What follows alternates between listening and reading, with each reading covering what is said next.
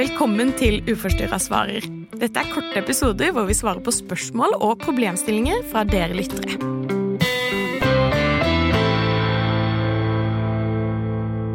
Så har vi et spørsmål her. Eh, Hvordan komme seg ut av den motstanden man føler mot behandlingen? Ja, Fordi den kan jo være noen ganger vanskelig å forstå. I hvert fall vanskelig å gjennomføre. Og så har man jo Hvis man har en litt sterk spiseforstyrrelse, så har man jo det her som kalles ambivalens, som, som gjør at man av og til har lyst til å endre på ting, og andre ganger overhodet ikke har lyst til å endre på ting. Så har man noen ganger behandlere som krever at man skal være såkalt motivert. og hva er det? Eh, og i det hele tatt, det å skulle bli frisk fra en spiseforstyrrelse krever jo mye arbeid. Det gjør det, og, og, og det er jo viktig å se litt på hvor er det man er i, i sin prosess, ikke sant. Det er, eh, det er ikke sant, I starten av en spiseforstyrrelse har man kanskje enda større motstand mot behandling. Og så er det litt å undersøke hva bunner motstanden i. Er det det at jeg er redd for å gi slipp på spiseforstyrrelsen?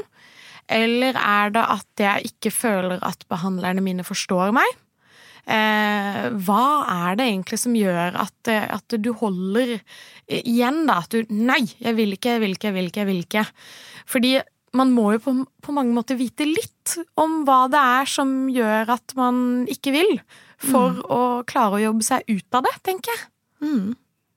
Hvordan var det for deg? Hadde du motstand mot behandling? Ja, absolutt. Eh, Og spesielt hvis jeg hadde behandlere som jeg ikke følte forsto meg helt. Eller hvis de for eksempel ønsket for mye av meg. eh, Eller krevde for mye av meg. At nå må du, ikke sant? Og da er det helt vanlig at da reagerer vi at nei, men da skal jeg i hvert fall ikke. For vi mennesker ønsker jo å bestemme selv. Vi vil være med i prosessen. Og det tenker jeg er kjempeviktig når man faktisk er i tilfriskningsprosess, at man selv må få være med. Og det tenker jeg at er litt sånn fint at alle vet også at det er helt menneskelig at vi reagerer med nei, det skal jeg absolutt ikke. Når noen sier at nå må du, eller nå skal du. Det, det er jo helt vanlig. Eh, så, så, og det tenker jeg også at hvis det er noen her som jobber som behandlere også, at det er kanskje litt viktig å få med personen på laget. Fordi Og- vi vil være med i vårt eget liv, ikke sant? Mm. Var det noen ganger du følte at du ikke forsto det som blei sagt at du skulle gjøre?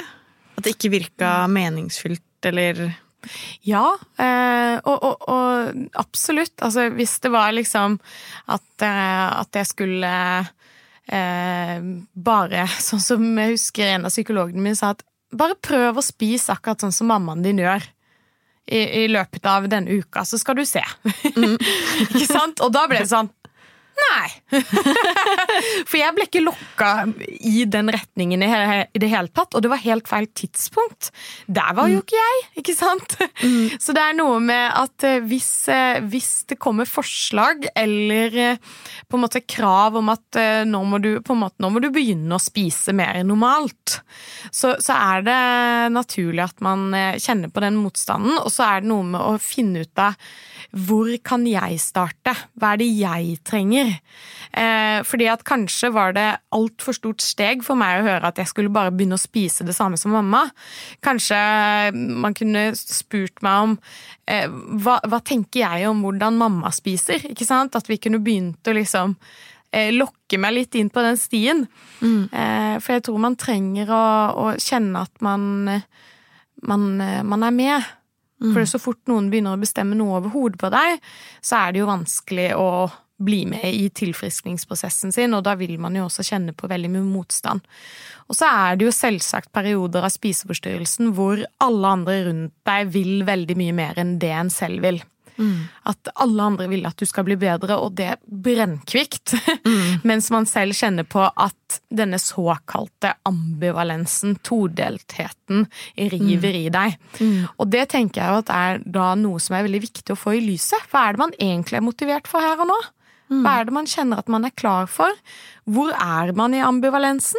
Og hva er det som gjør at man vil fortsette å være der man er, eller hva er det som gjør at man tenker at man skal bare gå ned så mye vekt før man kan begynne å høre på behandleren sin, eller Mm. hva er det som gjør at man ikke Mm. ønsker Og det er jo der Der bør man ha noen å snakke med, tenker jeg. Ja, det, er- det er kjempeviktig, og, og, og det er jo det på en måte personen også spør om her. ikke sant? Hvordan kan man eh, på en måte klare å legge fra seg denne motstanden, da. Jeg får nesten litt sånn bilde av at man liksom bare sånn, Man har så innmari mange kofferter i hånda, og det, er liksom, og det er så tungt og det er så slitsomt, og så står det en der og liksom bare sånn 'Hallo! Jeg kan, det er denne veien her!' Og du bare 'Nei! Nei!' Så det er liksom noe med hvordan kan man sette fra seg de koffertene og prøve, ikke sant?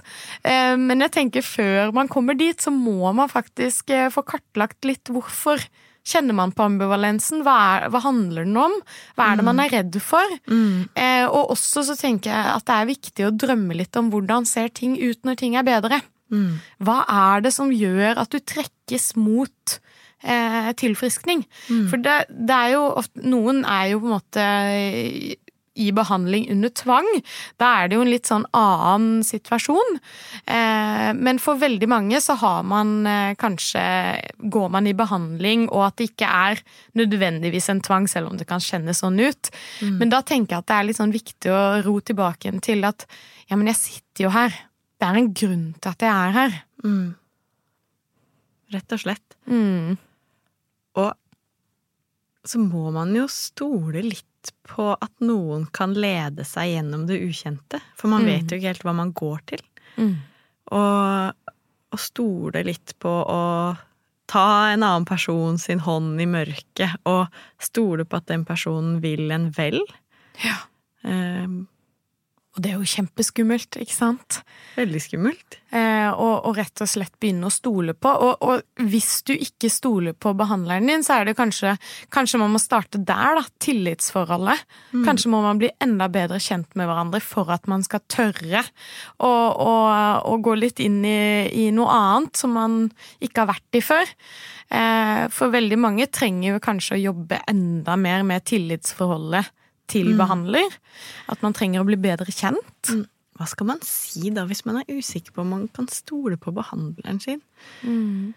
Man liksom si det høyt. Jeg er usikker på om jeg kan stole på deg og det du sier. Ja. Kan vi jobbe litt med det? Altså, kan vi, kan vi bli bedre kjent før vi går inn i, i å skulle gjøre konkrete forandringer? For jeg kjenner meg ikke helt med. Og hvis det er vanskelig å si det, så er jeg, jeg er veldig fan av å skrive. Ja. Ha, ha skrevet ned noe på forhånd. Um, og så er jeg også veldig fan av å, å prøve å møte opp de dagene man virkelig ikke har lyst til å gå. Ja. For det er ofte der det er masse viktig informasjon. Uh, Og samtidig si noe høyt om at i dag vil jeg ikke komme hit. Sånn at hvis behandleren har kobla seg riktig på, så kan dere snakke om det, da. Den timen der. Eh, For ofte er det jo de gangene vi virkelig ikke vil i behandling at det kanskje har noe for seg å gå dit. Samtidig så skal man jo kjenne på at man ikke skal bli traumatisert av behandlingen, så man skal, man skal ikke tvinge seg inn i noe som kan gjøre at det blir verre for seg. Så det er jo også en balanse, og liksom? Man trenger nesten en behandler for å vurdere om man skal gå i behandling. Sånn, mm. men, men, eh, men eh, ja, Så man må ikke misforstå meg der at man skal ikke gå i behandling man opplever er traumatisk for seg. Samtidig så skal man kanskje utfordre seg til å gå når man ikke helt har lyst. Når man kjenner at nå har jeg mest lyst til å lukke døra Mm. og bli mitt. At eh, det kan da være veldig lurt å faktisk snakke med noen. Og det legger man jo også kanskje merke til noen ganger hvis man har det veldig vanskelig, og så plutselig så klarer man å snakke med noen, eller plutselig kommer man i snakk med noen, og så kjenner man hvor godt det er, og hvor nyttig det er. For da kommer man jo på en måte rett i kontakt med det som er vondt her og nå, for at man har ikke så mye filter når, eh, når man virkelig kjenner at man har det dårlig.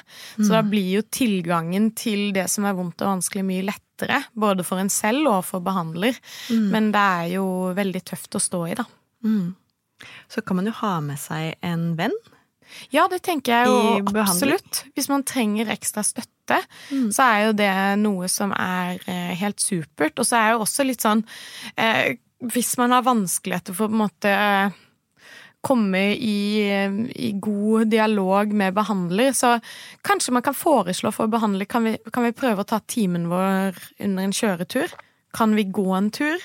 Mm. Kan vi prøve å komme oss ut av dette rommet, fordi at jeg kjenner at jeg trenger å slappe litt mer av. Mm. Eh, og det er jo faktisk sånn med oss mennesker at når vi gjør ting sammen, eh, sånn som eksempel å gå en tur eller kjøre en tur, så er det ofte lettere å connecte.